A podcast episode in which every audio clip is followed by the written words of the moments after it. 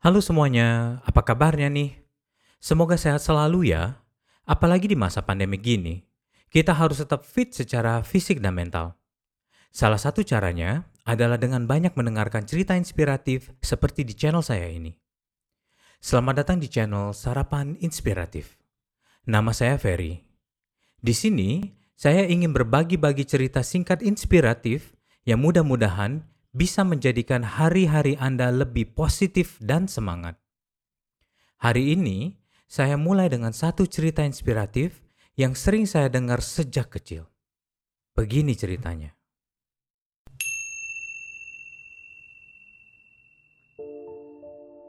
Ada seorang raja tua yang sangat dipuja oleh rakyatnya karena beliau sosok yang baik hati, bijaksana, dan loyal.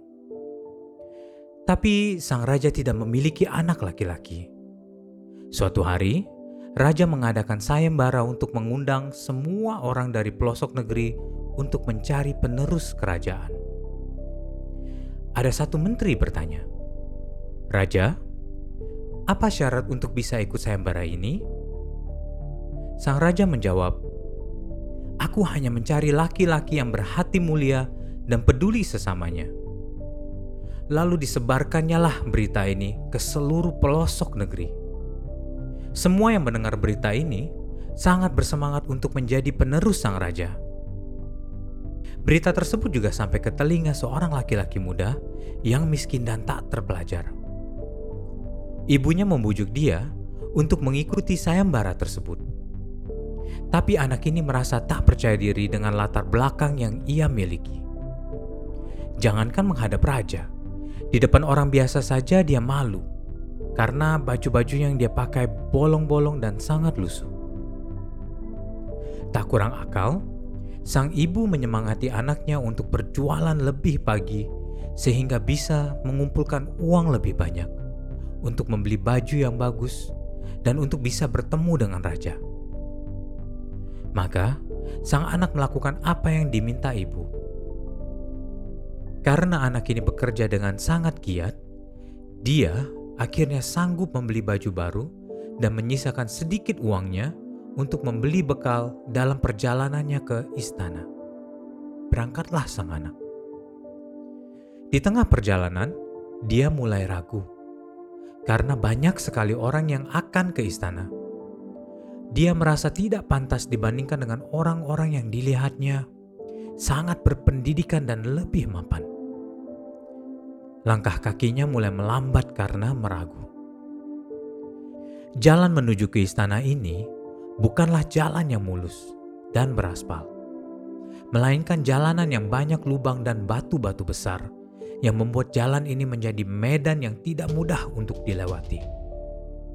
Ada yang melompat-lompat untuk menghindari lubang, ada yang melipir agar tidak kena batu, sambil menggerutu kenapa raja tidak membetulkan jalan-jalan ini.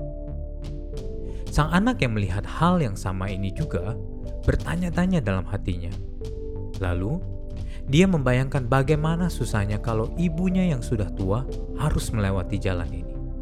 Sambil berjalan langkah demi langkah, anak ini mengambil batu-batu yang ada di jalan lalu menutupi lubang-lubang yang ada dengan harapan agar jalanan ini lebih mudah dilewati mereka-mereka yang membawa beban banyak dan yang sudah rentah.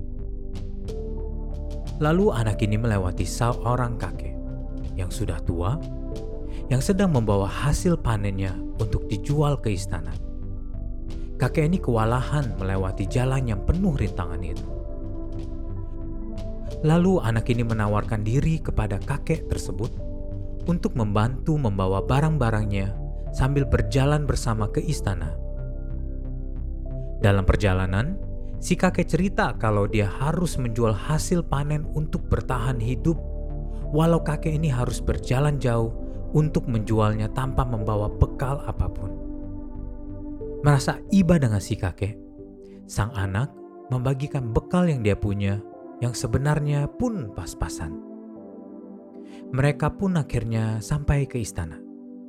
Namun, kakek tiba-tiba mengurungkan niatnya untuk bertemu dengan raja karena dia melihat dirinya sendiri sangatlah lusuh dan compang-camping. Melihat ini, sang anak berpikir, begitu banyak yang mengikuti sayembara, dirinya belum tentu menjadi raja. Tapi ia bisa dengan mudah melanjutkan hidupnya kembali dengan sang ibu tercinta. Namun, tidak demikian halnya dengan nasib sang kakek bila tidak berhasil menjual hasil panennya. Kakek akan kesulitan menyambung hidupnya, bahkan untuk makan sekalipun. Setelah menimbang-nimbang, akhirnya anak tersebut memberikan baju yang ia kenakan agar sang kakek bisa masuk ke istana dengan lebih percaya diri. Lalu, anak ini menggunakan baju si kakek yang sudah compang-camping itu dengan tujuan kembali ke rumah. Sesampainya di rumah, ibunya bingung kenapa anaknya secepat itu kembali ke rumah dan baju yang dia pakai berbeda dengan pakaian dia kenakan saat berangkat. Dia pun menceritakan semuanya kepada sang ibu. Dengan sangat bangga, ibunya memeluk anak ini. Di saat yang sama, mereka dikejutkan dengan suara ketukan pintu di rumah mereka. Setelah dibuka, betapa kaget mereka berdua melihat sang kakek yang masih mengenakan baju yang dia berikan sebelumnya berada di depan rumah mereka diikuti oleh ratusan pengawal kerajaan. Ternyata sang kakek adalah sang raja.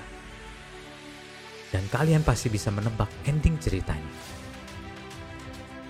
Moral dari cerita ini adalah setiap rintangan dan masalah kita sebenarnya adalah suatu kesempatan agar kita bisa memperbaiki situasi diri kita sendiri.